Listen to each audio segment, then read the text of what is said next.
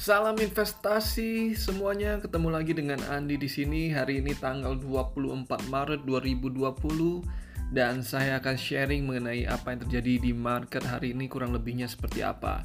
Oke, tapi sebelumnya stay tune terus untuk um, podcastnya saya dan dengarkan terus episode-episode yang ada di podcast ini ya. Kemarin malam Dow Jones turun di uh, sekitar 3% lagi teman-teman dan hal ini berbeda dengan uh, kondisi yang terjadi di bursa Asia pada umumnya. Sekali lagi kecuali Indonesia. Entah kenapa kita sepertinya agak susah nih untuk uh, naik ya karena bursa saham yang lain selain mungkin selain Indonesia rata-rata naiknya luar biasa hari ini Indonesia minus 1,3 persen, sedangkan uh, di LQ45 minusnya 2,84 persen. Jadi mas kita bisa lihat bahwa asing masih sell off nih untuk uh, untuk saham-saham yang sifatnya blue chip ataupun yang big caps. Di Hang Seng aja contohnya plus 4,5 persen. Korea, wow, naik 8,6 persen. Dan Jepang, Nikkei, naik 7,1 persen Bahkan Shanghai pun 2,3 persen. Kemarin sempat ada kekhawatiran bahwa munculnya kembali corona di Wuhan. Um, tapi kalau menurut saya sekarang episode yang di China agak sedikit beda ya. Kalau dulu dia sebagai uh, asal muasal virus COVID-19, sekarang mungkin dia lebih khawatir akan uh, dari uh, virus ini kembali ke China melalui orang-orang yang sudah berada di luar China, yang kembali ke China, dan itu yang mereka takutkan sekarang. Jadi berbeda dengan negara-negara Eropa masih berjibaku dengan uh, local community ataupun lokal uh, masyarakat lokal mereka.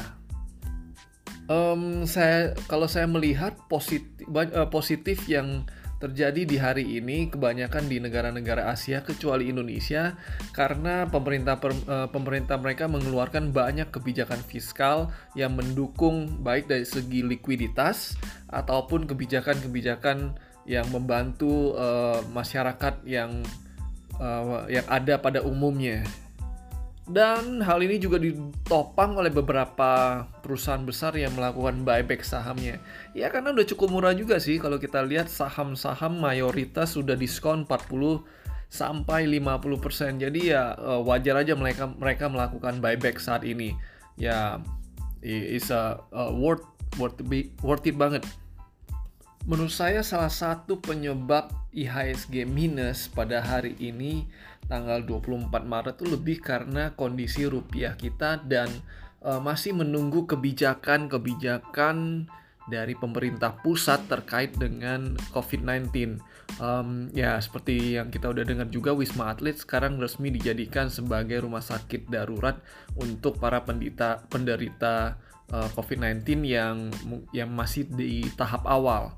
Ya, mungkin karena keterbatasan alatnya juga um, itu hanya bisa sebagai tahap awalnya. Mungkin untuk tahap menengah dan beratnya akan dikembalikan tetap ke rumah sakit-rumah sakit pemerintah yang sudah ditunjuk.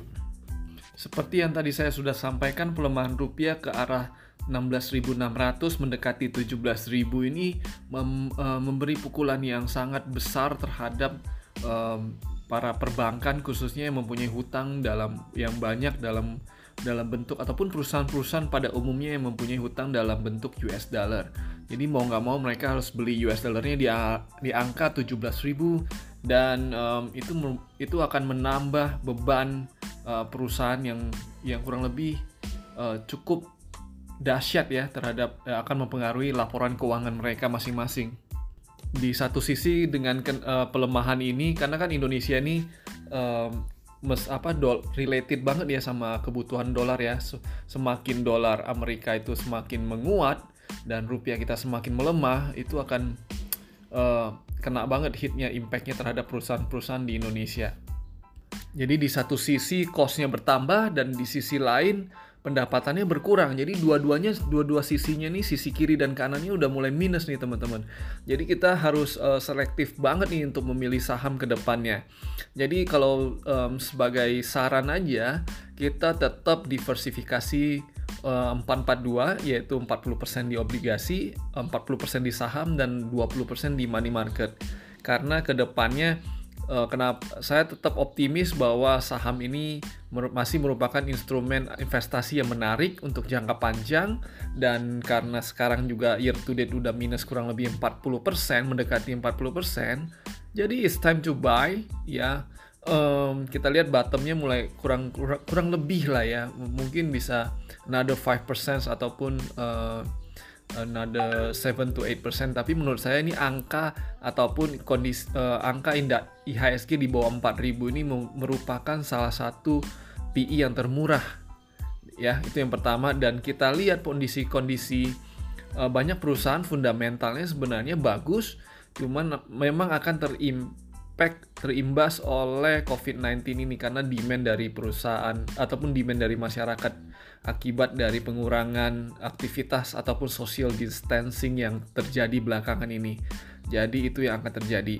Dan um, cost-nya seperti yang saya tadi saya sampaikan juga naik dan um, mungkin masih menunggu relaksasi dari pemerintah dan uh, saya dengar juga pemerintah mulai mulai mengeluarkan relaksasi pembayaran kredit untuk uh, sektor-sektor tertentu ya. Namun gak usah khawatir teman-teman kondisi ini sepertinya nggak um, separah tahun 98 ketika uh, mayoritas uh, perusahaan pada waktu itu mempunyai hutang yang sangat besar dalam mata uang US dollar. Kayaknya sekarang nih karena mereka sudah belajar dari kesalahan, sebagian mereka sudah hedging, ya cuman emang pergerakan volatilitas volatilitas rupiah yang terlalu besar di uh, tahun ini memberikan dampak yang uh, lumayan lah terhadap perusahaan-perusahaan yang membutuhkan ataupun yang mempunyai hutang dalam uh, currency-nya US dollar. BI juga sudah dibantu oleh Menteri BUMN yang menghimbau bar, uh, untuk semua uh, perbankan untuk agar segera menurunkan suku bunganya. Jadi kurang lebih costnya uh, ya costnya dianggap dia haruskan untuk turun lah ya di, dibantu dari segi pemerintah intervensinya di situ. Oke teman-teman itu aja yang saya ingin sampaikan di hari ini. Jadi kurang lebih ya minus. Uh, yang pertama ya masih minus ketika eh, bursa-bursa Asia pada umumnya uh, hijau ataupun plus. Tapi ini mungkin karena dipengaruhi oleh faktor rupiah yang terlalu volatile. Dan yang kedua asing masih sell off, uh, net sell off sejauh ini. Jadi itu membuktikan bahwa dilihat bisa, bisa dilihat dari uh, LQ45 yang minusnya lebih dalam dibandingkan ISG. Dan yang ketiga, saya melihat bahwa akan banyak kebijakan-kebijakan yang diambil pemerintah untuk mendukung ataupun menopang uh, dari segi konsumsi dari yang bisa membantu perekonomian ataupun GDP di negara Indonesia. Ya, salah satunya kita lihat uh, eh, BI sudah uh, dibantu oleh Menteri BUMN untuk menghimbau agar agar bank menurunkan suku bunga kreditnya. Nah, itu salah satu kebijakan yang diambil. Oke okay, teman-teman, uh, that's all for today. Jadi itu yang bisa saya sampaikan kali ini. Saya Andi, undur diri. Bye.